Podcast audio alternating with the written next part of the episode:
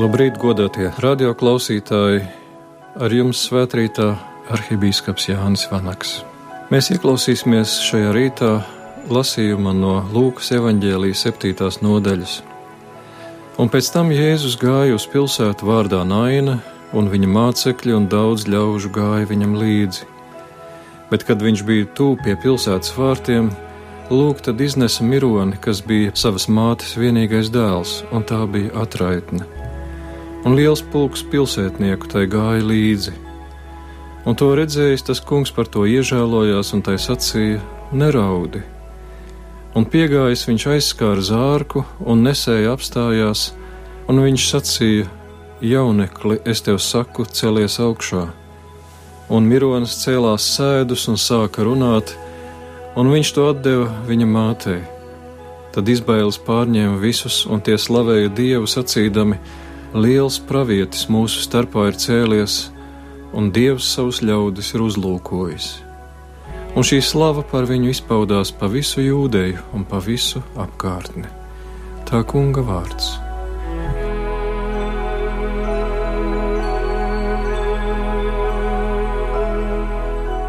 Dievs, Kungs, Svētais Gars, nāc un svētī mūsu tavu vārdu patiesībā. Tavi vārdi ir mūžīga patiesība. Āmen!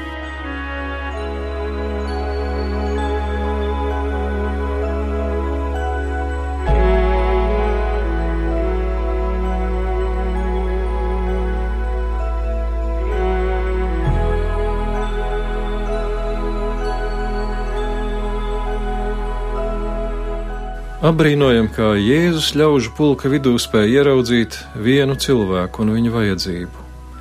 Šoreiz tā ir atraitne, kas zaudējusi vienīgo dēlu. Un te ir ne tikai zaudējuma sāpes, bet arī milzīga sociāla problēma, jo viņa ir palikusi viena sabiedrībā, kur nevis lemj par pensijas vecumu palielināšanu, bet vispār nepazīst pensiju sistēmu. Ejot nopakaļ dēlu zārkam, viņa iet neziņā par nākotni kā uz savu galu. Jēzus viņai saka: Neraudi! Vai nav nejauks vārds? Neraudi! Neraudi var sacīt bērnam, kas ir nobrāzis celi, tūlīt papūtīšu un pāries.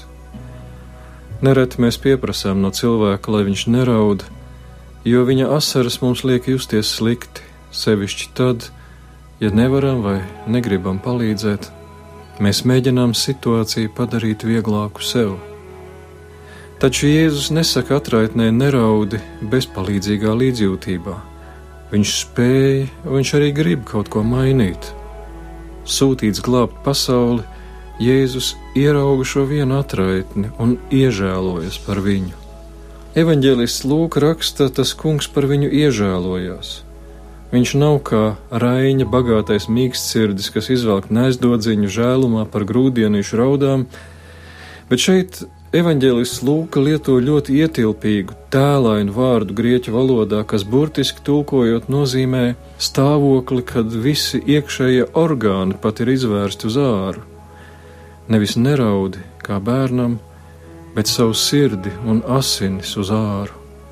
Tā kungs iežēlojas par nainas atraitni, un tā viņš iežēlojas par ikvienu no mums, burtiskā nozīmē, pie krusta Golgātā savas asinis uz āru. Un tas parāda Kristus jūtu intensitāti uz katru no mums. Tas liecina par to, cik ļoti viņš ir nodevies manis atrašanas un izglābšanas misijai, un tas arī parāda to, cik nopietns ir mūsu stāvoklis. Tik nopietns, ka Kristus padara savu sirdi, savas asinis, dzīvību, kailu un ievainojamu, lai mūs izglābtu. Pavaicāsim katru sev, kā tas liek man justies. Vēl ir zīmīgi pamanīt, ka šeit Jēzus nesaka to, ko vienmēr. Dziedinot slimos, viņš parasti teica: Tava ticība tev ir palīdzējusi. No tā varētu secināt, ko jau daudzi tāpat saka: pašiedvesma ir varena lieta, Vajag ticēt, un ticība palīdzēs. Vienalga, kam ticēt, bet ticēt. Un, ja cilvēks stipri tic, viņš pašiedvesmas spēkā izveseļosies. bet kāda pašiedvesma var būt mironim? To ir vērts apdomāt dziļāk. Ticība ir ļoti svarīga. Attiecībās ar Dievu no mūsu puses ticība faktiski ir pats svarīgākais. Sevišķi luterāņiem, kas uzsveram, ka grēcinieks tiek attaisnots un izglābts ne savu nopelnu dēļ, bet tikai dzīvā ticībā uz Jēzu Kristu. Un tomēr ne jau ticība mūs glābi, ne jau ticība mūs dara svētus, to dara Kristus. Bez viņa arī mūsu ticība neko nav vērts. Un tādēļ nav taisnība tiem, kas saka, ka nesot svarīgi, kam cilvēks tic, galvenais, ka stipri tic. Varbūt kādos jautājumos der tāda ticība vispār. Droši vien strēlniekus iedvesmoja jukuma vāciešu sprediķis pirms kaujas piņķu baznīcā, ticiet sev un saviem spēkiem. Taču tad, kad runa ir par dzīvību un nāvi, un tad, kad runa ir par mūžīgo dzīvību vai nāvi, ticība vispār neko nelīdz. Pašiedvesma ir bezspēcīga. Tad svarīgākais ir tieši tas, kam tu tici. Izglābi Kristus, nevis mana ticība. Un to Jēzus izteiksmīgi atgādina, nesakot jauneklim, tava ticība tev ir palīdzējusi. Izšķirošais ir Kristus klātbūtne, viņa pieskāriens. Paskaties apkārt, kur viņš ir, kur tu viņu redzi, kāds viņš ir, ko viņš dara, un kā tas liek tev justies, ka viņš ir klāt. Jo Kristus ir pie mums ikdienas līdz pasaules galam. Jēzus tuvojas mirušajam un pieskaras viņa zārkam. Augstākajā mērā neparasta rīcība. Saskaņā ar viņa laika reliģiskajiem priekšstatiem viņš ar to kļūst rituāli nešķīsts. Jebkurš cilvēks no tā vairītos, jo tad pēc tam bija jāiziet sarežģīta, grūta šķīstīšanās procedūra. Pie Jēzus notiek pretējais. Nevis nāves nešķīstība pāriet no mirušā uz Jēzu, bet dzīvība no Jēzus pāriet uz nāves uzvarēto. Tieši kā sacīts Jāņa evaņģēlijā, viņā bija dzīvība, un dzīvība bija cilvēku gaisma. Vecās derības princips par nepieskaršanos nešķīstām lietām nemaz nav aplams, tas arī nemaz nevar būt aplams, jo tas bija paša dieva pavēlēts mūzums Sināja kalnā cilvēkam ir bīstami pieskarties nešķīstām lietām un uzturēties garīgi nešķīstās vietās. Mēs mēdzam uzskatīt sevi par gana stipriem, lai ietu visur un varētu atļauties nesargāt savas acis un ausis, taču Pāvils brīdina nepievilieties, ļauna sabiedrība samaitā labus tikumus. Nešķīstība aizskarot, nešķīstība pielīp. Un cilvēks varbūt to nemana, taču ne tādēļ, ka jaucoties ar nešķīstību viņš neapgānītos, bet tādēļ, ka viņa sirds nocietinās un viņš apgānīšanos vairs nav spējīgs pamanīt. Ir tāds teiciens, ka muļķis uz galvas metas iekšā tajā, kam eņģeļi iet apkārt ar līkumu. Un tas ir tādēļ, ka eņģeļi, kā garīgas būtnes, redz garīgās briesmas, ko cilvēka miesīgā acis nepamana. Pat Kristum klājās grūti saskaroties ar cilvēces nešķīstību. Viņš tai pieskārās, varētu teikt, viņš to apvilka sev, un, lai to pārvarētu, viņam nācās zaudēt dzīvību un nokāpt ellē. Un ko tad vēl sacīt par mums? Tikai dieva īpaši aicināts un apsargāts cilvēks drīkstētu apzināti doties vietās, kur ļauna sabiedrība dara ļaunas lietas, un tikai nodomā glābt dvēseles To drīkstētu arī tikai dzīvojot tā, kā Pāvils saka par sevi: dzīvoju nevairs es, bet Kristus, kas ir manī, jo tikai Kristus pieskaroties neapgānās, bet dzīvība no viņa pāriet uz to, kas miris. Bet vispār ir labāk un drošāk sargāt sevi no tādām lietām. Ir tomēr starpība, uz ko mēs skatāmies, vai ne? Un tā mēs dzīvojam visu laiku starp pretējiem garīgiem iespaidiem. Un ir labāk un drošāk turēt savu uzmanību pievērstu tam, kas dzīvību dod, un apzināti vairīties no tā, kas dzīvību ņem. Jēzus pieskārās, un jauneklis piecēlās sēdus un sāka runāt. Pravietis Iesai saka: Mostieties un gavilējiet, kas dusat pīšļos. Mēs varam būt droši, ka visvairāk tas šoreiz attiecās ne tik daudz uz to jaunekli, es nezinu, ko viņš varēja just un kā justies, bet uz jaunekļa māti gan, kas tas viņai bija par prieku un kas tās bija par gavilēm, kad viņas dēls piecēlās savā zārkā sēdus. Sastapšanās ar Kristu vienmēr atnes prieku. Kristus ienāca pasaulē ar eņģeļu vēsti, rēdzies jums pasludinu lielu prieku. Viņš savu kalpošanu sāk ar vārdiem: Tā kunga gars ir uz manis, jo viņš man ir svaidījis sludināt prieka vēsti. Viņš pat aizgāja no šīs pasaules, sakot mācekļiem: To es uz jums esmu runājis, lai mans prieks mājotu jūsos, un jūsu prieks būtu pilnīgs. Prieku Pāvils nosauc kā otro starp svētā gara augļiem tūdaļais mīlestības. Cilvēki nerad domā, neskāda ir tā pareizā attieksme pret kristīgo ticību, pret reliģiju, pret dievkalpojumiem. Luterāņiem tradīcijas vairāk saistās ar svētsvinību, pat ar sirds satriektību, taču te jāsaka, ka katrai lietai ir sava vieta un savs laiks.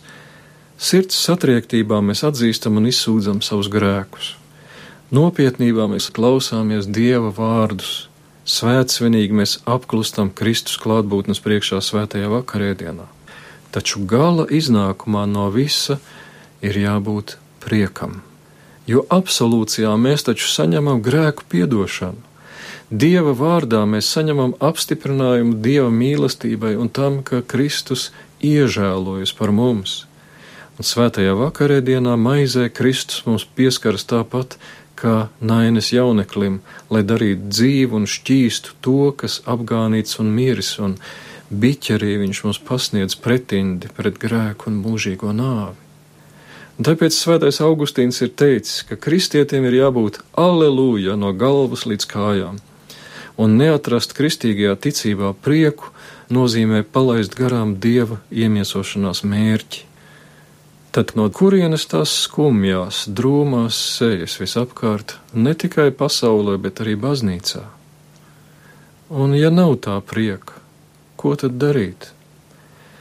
Cilvēki mēdz klejot no draudzes uz draudzi, no konfesijas uz konfesiju, cerot, ka varbūt ilgoto prieku atnesīs, piemēram, roku pacelšanu vai varbūt priecīgāka mūzika vai atrašanās starp ļaudīm, kas izskatās priecīgi. Dievs dažreiz arī dod tādu prieka injekciju. Taču, kā mēs labi zinām, ātrās palīdzības uzdevums nav izārstēt slimību, tikai apslāpēt krīzi. Arī ar prieka špricēm ir tā, ka tām ir ārkārtas palīdzības raksturs. Seno laiku mūki teica, aizejot uz citu klosteri, nevar aiziet no sevis. Slimībai vajag īstu dziedināšanu. Un bieži mēs tā cenšamies uzpumpēt prieku sevi un citos, lai gan mūsu dzīvē nav noticis nekas tāds, kas varētu būt prieka avots. Dievs nav ielauzies ikdienas dzīves norisēs. Jauneklis mūsos vēl ir miris, bēru gājiens vēl ir ceļā uz kapu. Par ko tad priecāties? Vai var svinēt neko? Un tēlot prieku ir nožēlojami, jo, ja mēs tēlojam prieku, tad mūsu gars nonāk spīlēs kā bērns, kam liek sacīt paldies, kad viņš nemaz nejūtās pateicīgs. Ievērosim, ka šajā evaņģēlī notikumā prieks un gavilas sākas tad, kad cilvēki Jēzum paklausa. Viņš liek bēru gājienam apstāties. Latviešu bērēs viņu visticamāk pasūtīt par to, bet Tur ļaudis paklausīja un apstājās. Jēzus saka jauneklim celies. Dabiski būtu, ja mironis turpinātu gulēt kā beigts, taču šis jauneklis paklausa, ceļas sēdus un runā. Un tad sākās prieks. Prieks nāk caur paklausību Kristum pat tad, kad tas nešķiet prātīgi un gribas viņu pasūtīt vai izlikties par beigtu. Prieks ir paklausības auglis.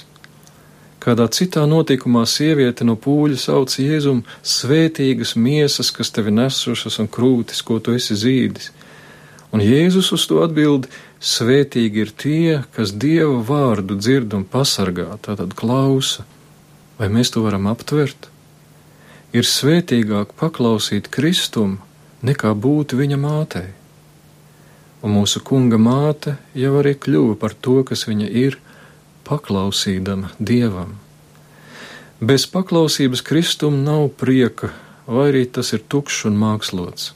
Lai nāktu pie Kristus līksmības, paklausībai ir jāieaužas mūsu dienišķās dzīves audeklā. Bez tā visa mūsu svinēšana, mūsu slavēšana ir tikai tukša skaņa. Daudz cilvēku dzīvo tā, ka prieks viņu mājās kļūst neiespējams.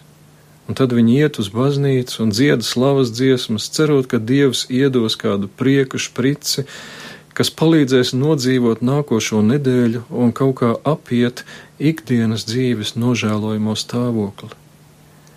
Dieva mērķis ir nožēlojamu dzīvi nevis apiet, bet pārveidot. Prieks atnāk tad, kad tas, kas ir miris, ceļas augšā. Prieks atnāk tad, kad dzīves ikdienas norises ir Kristus augšām celšanās atpestītas.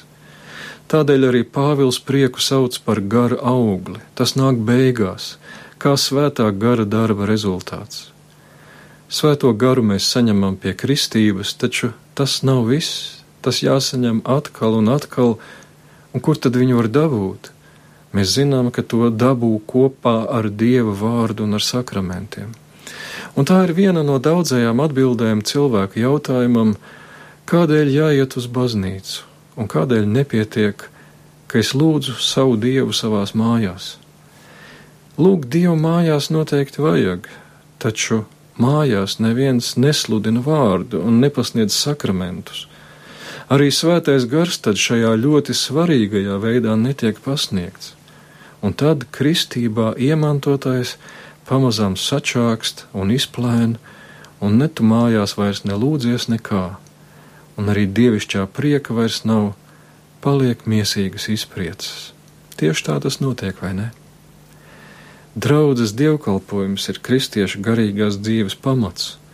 Uz tā var būvēt daudz vērtīgu un interesantu, un arī lūkšanas un bībeles apceres mājās, un tas palīdz svētajam garam pārveidot mūsu iekšējo cilvēku, lai mēs varētu tuvāk iepazīt Jēzu, viņu dziļāk iemīlēt viņa pilnīgāk paklausīt un piedzīvot īstu prieku. Mācītājs Vils Augstkalns savā Lūkas evaņģēlī komentārā raksta: Pie nainas vārtiem ir kā visa cilvēce. Tā nes savus miroņus, kā apbēdināta atraitne un nezina, ka tuvojas Jēzus, un līdz ar viņu jaunas pieredzes diena, gara pieredzes diena. Varbūt arī mūsu dzīvē kaut kas ir kā miris, Varbūt mēs ikdienas mirstam savu mazo ikdienas nāvi. Varbūt arī mēs kādā ziņā jūtamies bēdu pilni kā nainas atraitne. Varbūt mēs tāpat kā viņa ejam nedrošībā par nākotni, un mēs zinām, ka pēc ilgāka vai īsāka gājuma mūsu ceļš sasniegs kapu. Labā ziņa ir tā, ka ejam ne tikai mēs, bet arī Jēzus ir ceļā. Mēs viņu satiksim, tikko gribēsim tikko viņu sauksim, jo ja mēs viņu meklējam, tas nozīmē, ka viņš pirmais meklē mūs. Un lai arī kur mēs savā dzīvē nebūtu, lai arī kāda mums tēlojas nākotne, pati tālredzīgākā, ilgtspējīgākā rīcība ir meklēt Jēzu Kristu, ļauties viņa pieskārienam un paklausīt, kad viņš saka: Celies! Lūk, tas ir pilnīgs prieks! Āmen!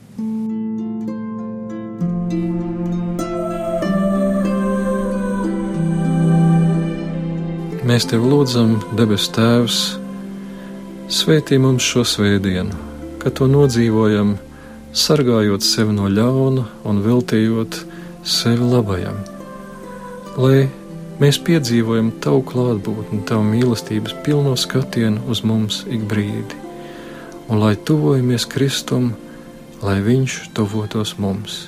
To mēs tev lūdzam caur viņu pašu, Jēzu Kristu, mūsu Kungu. Āmen!